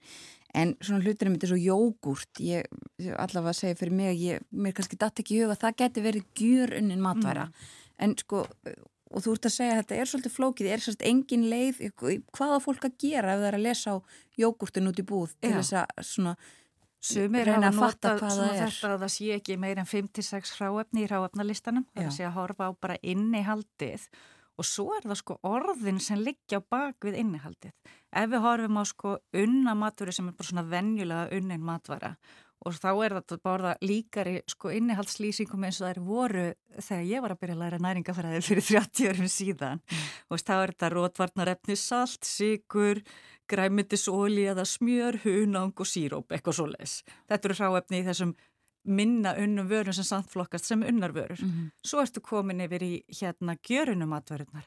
Þá er þetta, þú veist, litarefni, litarjapvægismyndandi efni eða svona color stabilizer, geta eða ekki þýtt þetta sumt, sætuefni eru þarna inn í og svo er þetta mjög mikið svona áferðargefandi efni. Carbonating agent, firming agent, bulking agent. Það er ekki að fá einhvern hérna til að þýða þetta fyrir okkur. En þannig að uh, íruefni. Uh, en ofsalega oft eitthvað sem breytir í raun og veru áferð og upplifun er að gera sætara, er að gera saltara á þess að vera bara sigur og salt Já, og, og það er það sem að sko að því ég vinn svo mikið í þessu með matarhegðun og, og matarsmekk og hvernig við raun og veru getum breytt matarhegðuninni að þá er þarna sko okkur, þetta eru auðborðuð mataræli á einsku hyperpalatable, það er að segja þau bráðun oft í munni eða eru brakandi fyrst, bráðuna svo. E, þannig að þau eru gerð aðlandi, þau eru gerð bragðgóð, þau örfa meiri sé að viðtaka það bragðskinn, örfa viðtaka í munni þannig að þú raun og veru farið meira kikk út úr þeim heldur en þú getur fengið út úr náttúrulegum ráefnum. Þannig að allt í einu þau ert komin svona stokkin á þennan vagn að þá fyrir allt annað að verða svolítið bræðlust og boring. Og, og þetta er þetta mjög erfitt þetta ef þú tapar þá skininu á hvað svona náttúrulegt mildt bragð þú hættir að metta það. Og þetta er hens vegar hægt að þjálfu upp og vinna með og það er hluta því sem ég er að gera í mínum rannsóknum er að e, við erum með bræðlauka þjálfun og, þarna, og þar erum við bara einfalla að nota gaggrindar aðferði sem við höfum sínt fram á í rannsóknum að styðja við e, sérstaklega börn en líka fjölskyldur og fólk að að ná einhvern veginn að, að læra upp á nýtt. Þetta er, og þetta er bara þjálfun. Og, og, þarna, og það sem er líka svolítið ískikilegt er að, þarna, að því ég er mjög mikið náhuga á því sem heitir bara ánægin af að borða. Ánægja skiptir mjög miklu máli og það er mér hluti sem við mælum í rannsóknum að, að, þarna, að þá sko ánægja af minna unnum mat, hún hverfur út af þessu að þú ert bara búin að breyta uh, allri skinninuðinni mm. og umbyrnakerfin okkar eru líka samt að verði mjög sterk löngun í þessi mikið unnum matvæli af því að þau örfa miklu meira en hinn. Þau eru, þau eru bara ávanabindandi. Þau eru að einhverju leiti ávanabindandi og þá breytist svo smekkurinn smá saman líka þannig að þetta verður vítarhingur sem þarf að rjúfa og þannig að, að sko fyrir mér okkur þetta því að þú segir þetta, þú veist, hvað á ég að gera sem neytandi að ég, ég segi lesa á einbúður það er nummer eitt, en það tekur tíma og það bara þarf að taka stundum eitt dag í búðinni þar sem maður er bara í konnaferð eh, svo að velja oftar umbúða laust, af því að matvara sem er ekki í umbúðum að það er að því að hún er í raun og í sínu svona frum ástandi sem velja meira bara mat sem er sannanlega matur, grunnvöru færri innihaldsefni á innihaldslistanum og þarna okkar þetta bara horfa og sko það er engin að segja að það megi ekkert vera svona. Heldur snýst þetta um þetta hlutfall í mandarkörfunni og það sem er verið að segja að það er sko á verstulöndum að þá er þetta sumstaðar orðið meir en 60% af öllu mat sem fólk er að borða á dag og er í körfunni og hér á Norðurlöndunum að þá eru tölur að tala um um og yfir 50%. Já. Þannig að bara sko næst eh, Ég held að það væri ótrúlega gaman, ég, þannig að við erum nú veintalega ekki með neitt hérna sem við hægt að senda inn í svona, bara sjá mynd að mata hverju fólks og bara taktu mynd sjálf og horfu á, veist, hvernig lítur þetta út? Sé ég græmitið í körfunni, uh, er ég með, þú veist, grunngrófa, kornvöru, uh, bönir og svo framvegis, þannig að, að þetta er ótrúlega, sko, uh, ég held að við vitum all í raun og verið grunninn hvað við ættum að vera að setja í körfuna, En þarna er líka búið, þú veist, umbúðirnar og allt saman lokkar okkur, þannig að freystingarnar og ef við horfum á þarna bara sko þetta því er ofta að tala um sko ábyrð innar eins og ábyrð samfélagsins á því hvernig mat við eh, höfum og, og sínilegan í búðunum að þetta tekur svo mikið pláss ef við myndum taka þessar vörur úr hillunum þá væri bara hægt að hafa mjög litlar búðir Já. og það er eiginlega svona þannig að, að, þarna, að við þurfum að, að einhvern veginn annars vegar vita sjálf hvað við veljum en við þurfum líka að treysta á að til dæmis markaðsetning, það eru heilsu dagar að fletta heilsublöðum og horfa á að hvað stór hluti að við er öru sem við þurfum alls ekki á að halda og eru okkur jafnvel alls ekki, alls ekki hotlar En, en þarna vil ég líka okkur taka fram og þetta er alltaf þetta sko að, að þarna, um, hvernig á ég orða það, að, að, að sko hluti af okkur eins og þessu að greina og flokka svona að þá er náttúrulega það að sko ef við erum með hérna svona uh, upptalningu þá verður ákveðin hætta á fæðu fordómum. Það er að segja við viljum ekki horfa á mat með svart kvitt sín eða hold óhold heldur snýst þetta um þessa heildar mynd Já. og það er eins og það sé stundum svolítið erfið umræða að taka að við viljum bara fá hérna, þú mátt borða tvær pulsur á viku og hérna eina mikið unna jógurdós og svo framvegis. En það er í raun og veru svona erfiðar en að segja þá maður vill ekki setja of stífa reglur því að reglur eru svolítið sérstaklega ef við horfum ungmennun okkar þá erum við líkleri til að vilja bara brjóta það, það er spennandi. En að maður er að reyna að búa til eitthvað sem stiður við og liftir og hjálpar einstaklingunum að taka ákverðanirnar sjálfur Þannig að þó við þurfum að steyðja við með breyttu umhverfi, þá erum ekki að taka völdin af einstaklingum. Það er stundum verið að tala um forræðisíkju og við viljum einhverja neyslu stýringu. Það er ekki neyslu stýringa við erum að breyta umhverfunu heldur en við bara að steyðja við að þú getur tekið upplýsta ákverðin. Einmitt, þannig að við þurfum ekki að fara út í búð og lesa á allt og forðast allt og springa svo á liminu eftir tvær, þrjár búðaferðir. Bara hafa þetta svona í huga og hugsa um hildina. Já. Já. Uh, rétt í lokin, annars er kannski svona upptaktur af því sem við tölum um svo uh, áfram í haust.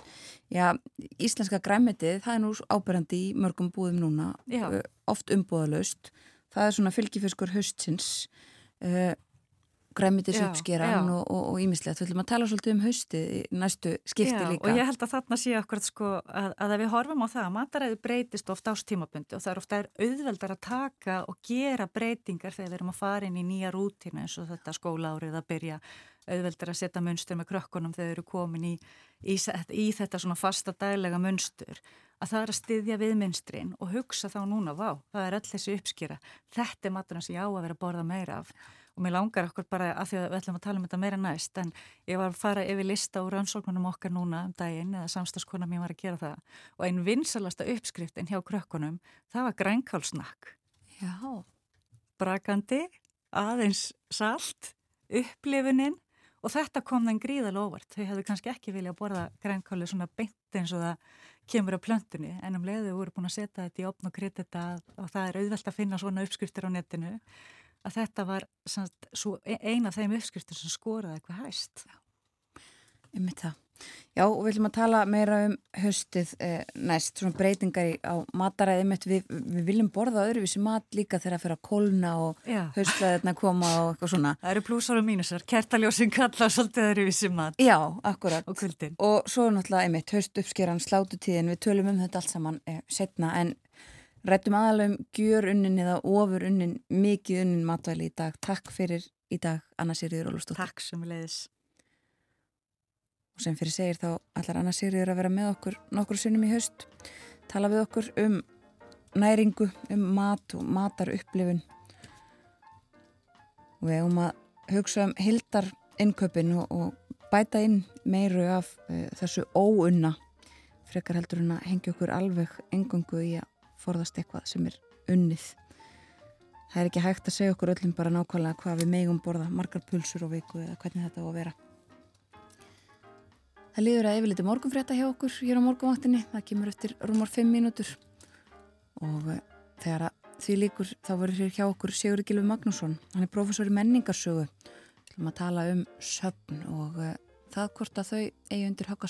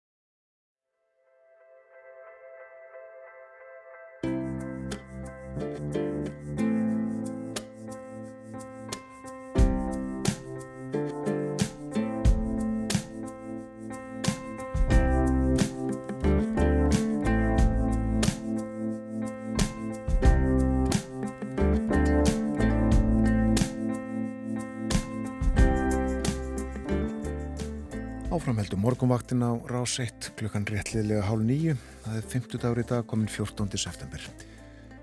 Og við höfum yfir hugleðingar veðurfræðings um veðurhorfur dagsins fyrir fólk sem var að vakna norðaustlæg eða breytileg átt í dag, yfirleitt góla eða kaldi. Það verður rigning með köplum á söðaustru og austurlandi, engum framan að degi, en þurft og allvíða bjart í öðrum landslutum og hitti í dag frá sjöstegum að fjórtán. Þetta breytist á morgun og uh, þá má búast við regningu víða um land róki. Þurftamestu þó Österlands.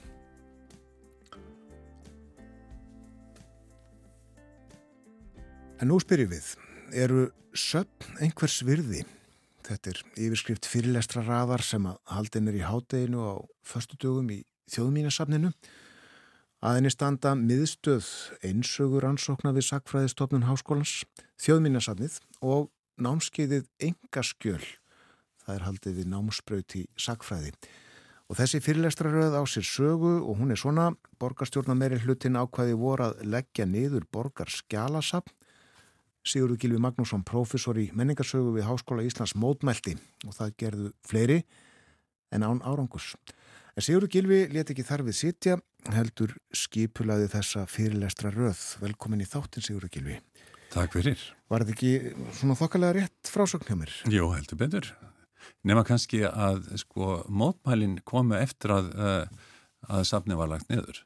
Það er sem sagt 7. mars sem það er samtíkt á, uh, á fundi borgarstjórnar að leggja safni niður og ég er að frétti það þá og um, sendi þá uh, fyrirspurn inn á postlista háskólans um, og eh, beindi orðum mínum að eh, fulltrúa framsónaflokksins í borgarsjótt eh, Árelíu Eitís í Guðmundsdóttur sem ég fann að þetta er dósend í visskitafræðdeild og spurði hvernig getur vísindamadur staðið að þessum gjörningi? Því að í raun og veru er þessi þessi ákvarðun borgarstjórnana hálfgjart klámhögg á vísinda og fræðastarfi í landinu.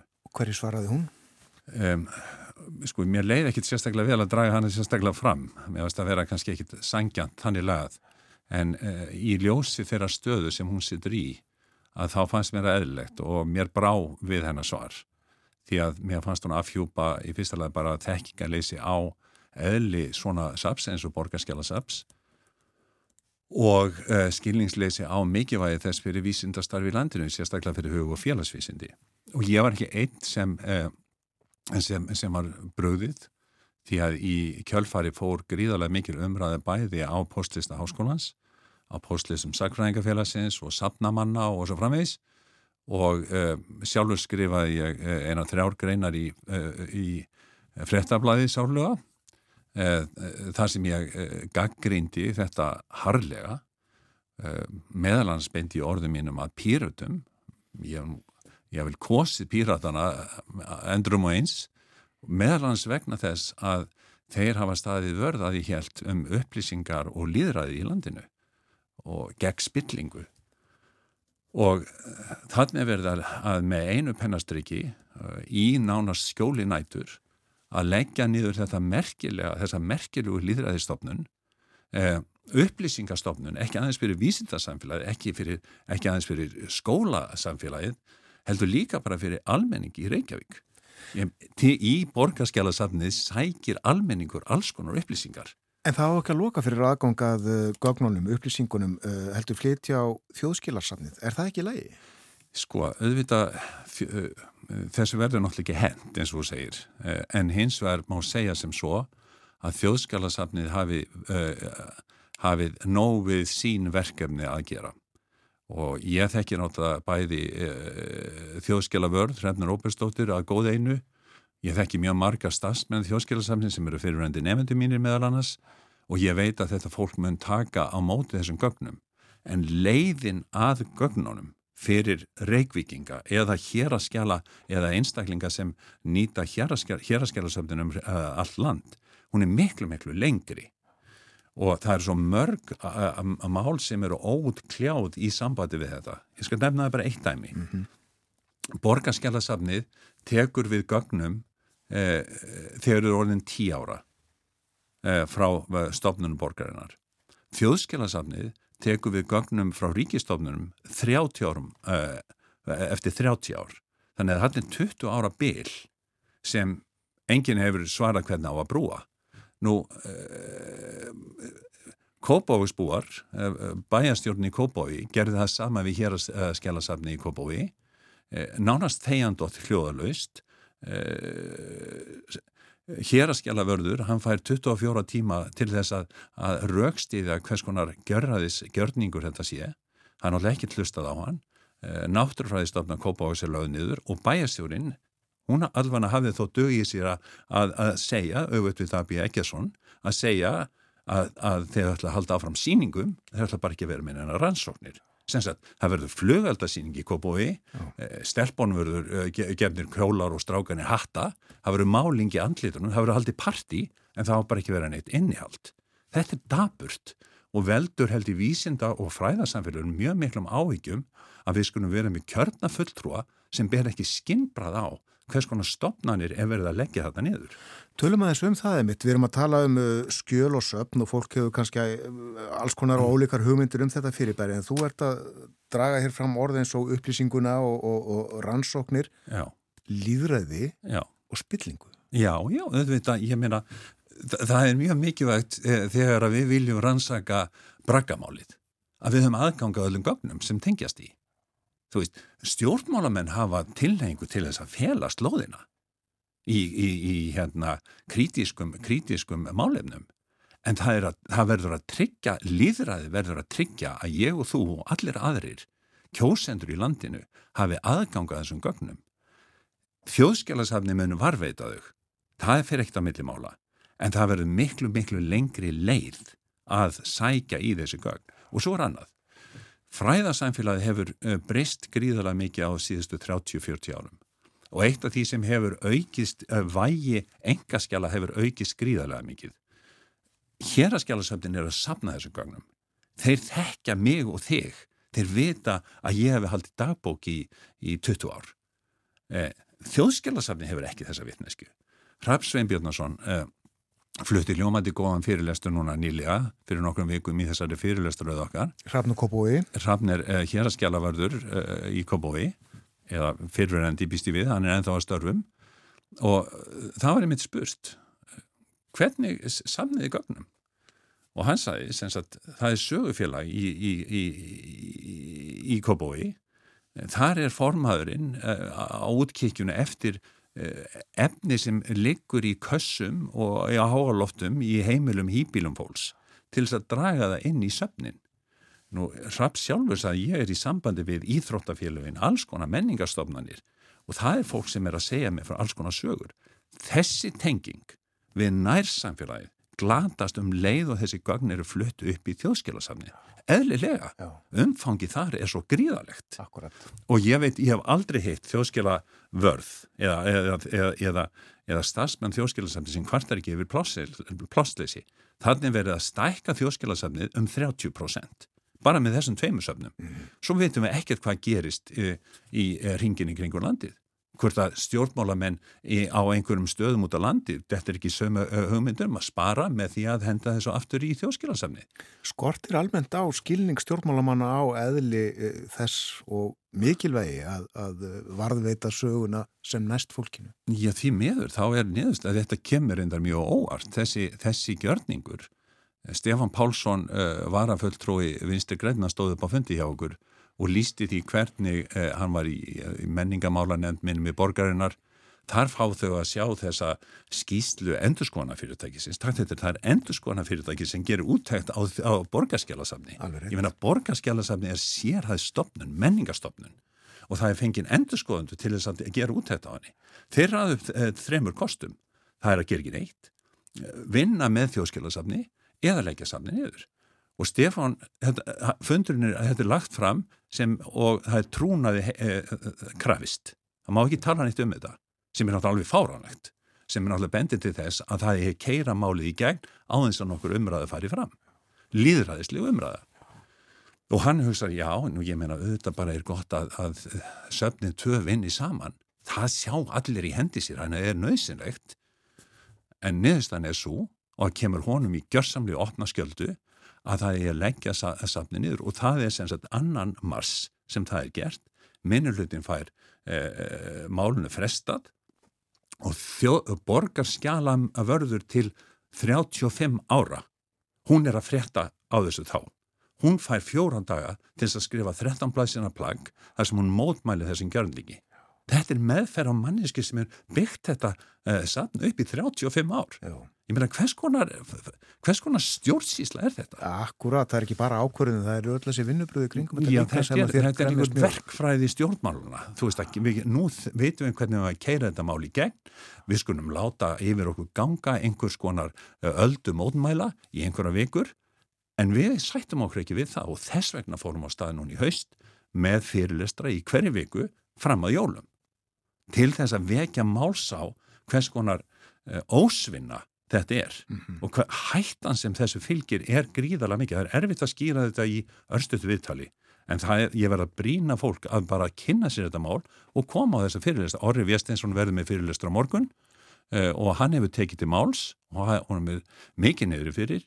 Og ég hlakka til að heyra hvað hann hefur að segja. Já og uh, þetta hefur verið alls konar draumur sem brást. Hvers vegna á þjóðin ekkert leiklistar eða tónlistasögursafn Jón Viðar Jónsson, Jónsson fluttið þann fyrir lestir Er hægt að leggja þjóðmínasafni niður? Uh, Kristján Míminsson spyrja því.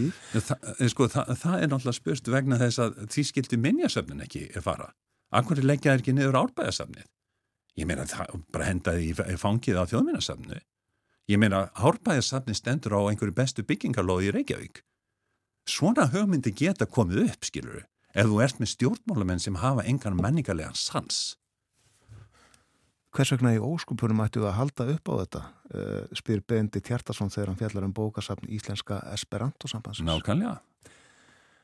Eru söfn einhvers virði, þetta er yfirskriftin, uh, ég spyr þig, hvers virði eru söfnin? Þau eru gríðarlega mikils virði fyrir líðræði í landinu. Þeir eru upplýsingar uh, þannig að við Eh, borgarinn í landinu höfum aðgangað upplýsingum. Þetta er gríðilega mikið fyrir vísinda og, uh, og fræðasamfélagið. Ég meina, ég er að senda nefndum mína í, í, í tonnatali sem er að vinna úr alveg frábærum gögnum í borgarskjálasafni og líka náttúrulega í þjóðskjálasafni. En þetta er skó, skólanir, skólakerfi, grunnskólanir, þeir koma, þeir, þeir, það, það er upplýsingar um okkur frá vöggu til gravar í, í þessum söfnum Það eru tæplega 800 engaskjálasöfn í borgarskjálasöfnu. Við vitum ekkert um afdriðið þeirra. Við vitum ekkert hvað þetta þýðir þessi gjörningur, þessi uppákoma hefur fyrir öll engaskjálasöfnin sem liggja í kössum hjá fólki út í bæ. Treystir það eh, stjórnmálumönnum að, gera ekki einhverja vittlisu með þessi gögn?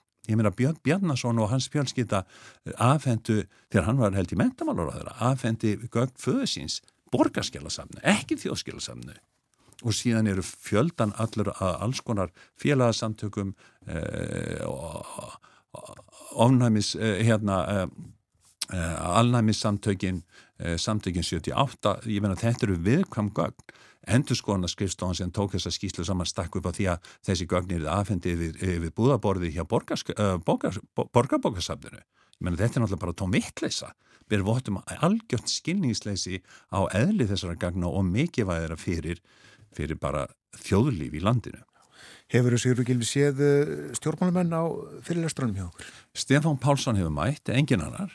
Eh, það sem meira er við hefum ekki heyrt hljóður hortni frá meiri hluta borgarstjórnar. Það er bara mjög skrítið að menn skul ekki raukstið að svona afdra, af, afdráttarleisa ákverðun. Mér finnst það bara mjög undarlegt. Og sparnaður er ekki rauk í, þínum höfum? Ég, ég meina, rekstur borgarskjálasapsins er eins og lélegt einbillishús á, á, á flötunum. Þú veist, þetta eru 150 miljónir á ári. Þetta er ekki sparnaður. Við erum að sjá alltaf þeirra tölur í alls konar verkefnum í, á, á vegum borgarinnar. Það er, ekki, það er dýrst að vera manneskja. Það er dýrst að vera manneskja í líðræði samfélagi. Og við þurfum að treysta stóður líðræðisins og upplýsingagjafar og borgarskjálasafnið og hér að skjálasafnið í Kópái og hér að skjálasafnið um landa allt eru þessa stóðir. Samfélag kostar. Já, það kostar. Það kostar að vera manneskja. Þakka fyrir að vera hér í dag, Sigur Gilvi Magnússon, professor. Takk fyrir. Og við förum í uh, sapn útarsins, finnum þar plötu með John Denver.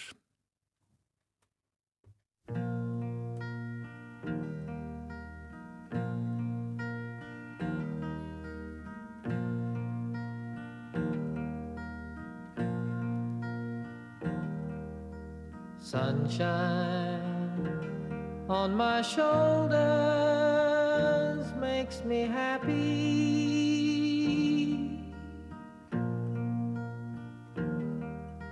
Sunshine in my eyes can make me cry.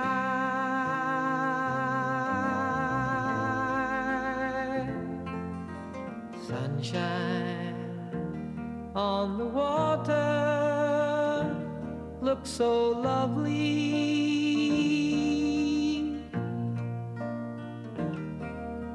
Sunshine almost always makes me high.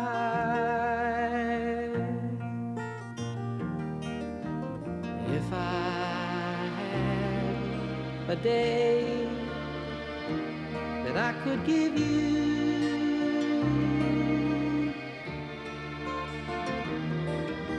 I'd give to you a day just like today.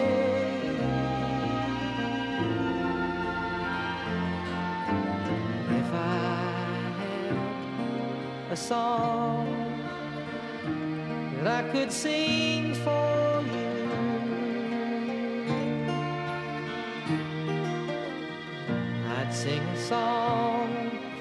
to make you feel this way.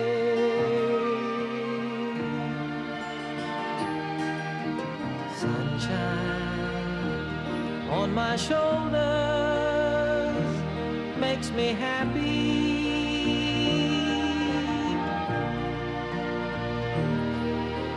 Sunshine in my eyes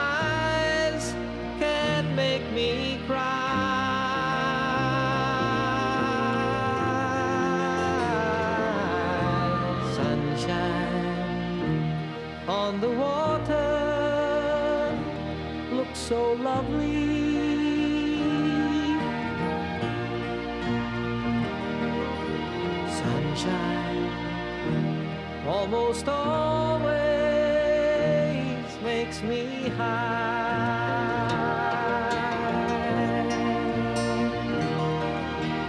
If I had a tale that I could tell you,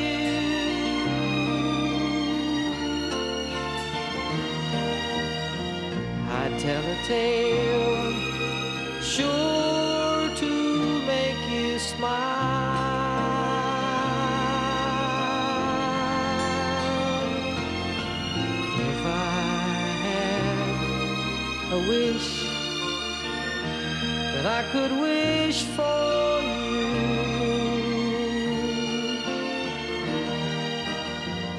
I'd make a wish for sunshine all the while.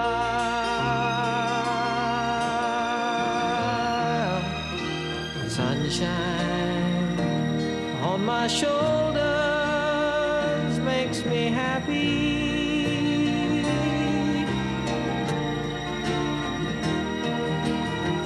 Sunshine in my eyes can't make me cry.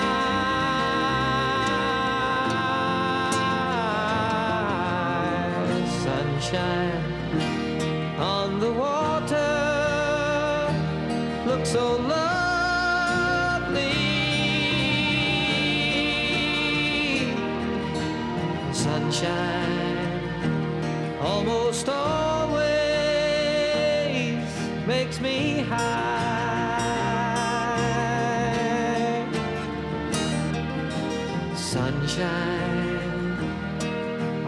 stars.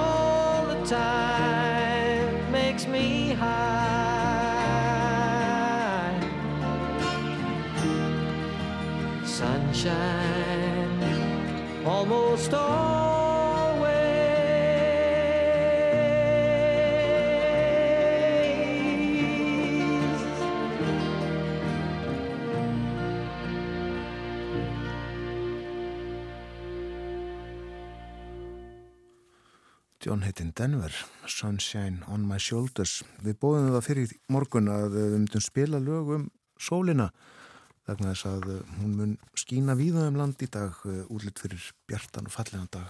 Já. Við rættum hérna fyrir morgunum uh, skemmtiferðarskip aðeins. Bói Ágússon myndist á þetta í uh, heimsklukanum í morgun. Skemmtiferðarskip sem er strand uh, á austurströnd Norex og hann undraði... Uh, Grænlands. Hann undraði sig á því það fór sér frá Noregi þetta skip 1. september og ég var að undra sig á því að, að það væri ekki meiri umfyllin um þetta og svona hildi yfir um svona uh, mál uh, hættuna af þessu og uh, við nefndum það að, að það kom til tals að Þór varðskipið færi á strandstað til þess kom ekki en nú er á leiðinni frá Danmörku skip sem á að freysta þess að, losa, hjálpa til við að losa uh, þetta luxus skemmtifærðarskip sem að þarna er fast. Það tókst ekki í gær, voru tilraunir gerðar á háflóði uh, án árangurs en uh, nú er sem sagt greint frá því í erlendum fjölmjölum að það var þrýr um borð greinst með COVID Æ, æ.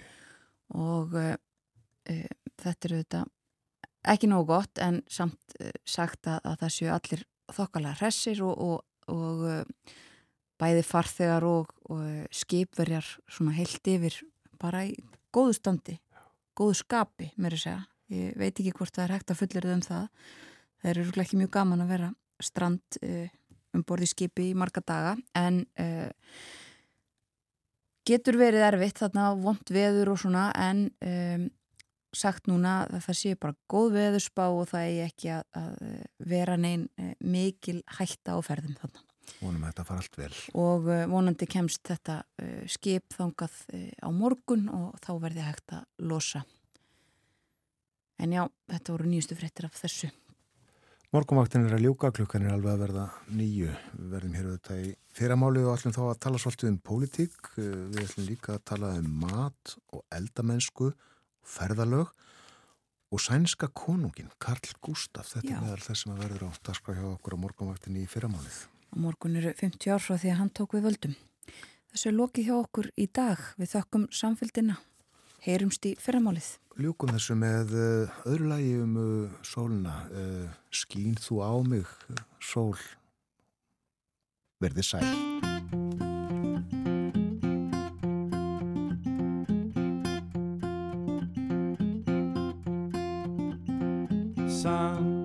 Shine on me today. Sun, dry my tears away. How I need your warm and rays to shine upon my crying face. Oh, sun, shine on me today. Sun, give me a little light. Take me out of this darkened night. Know what a little light can do. You change the sky from black to blue. Oh, sun, shine on me today. Sunshine, come on, sunshine. Let me have one of your rays.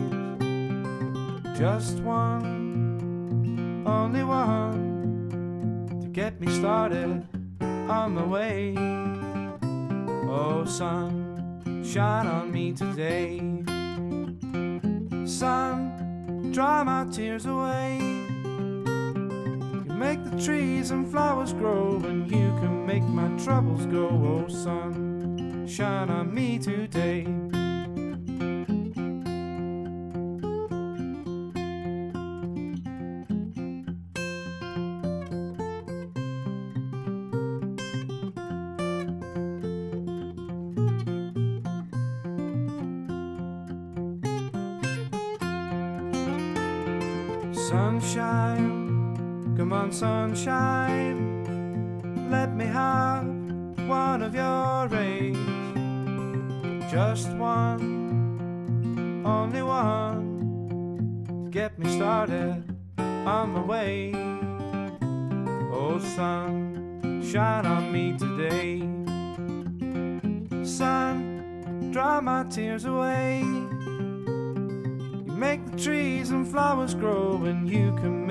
Troubles go. Oh, sun, shine on me today.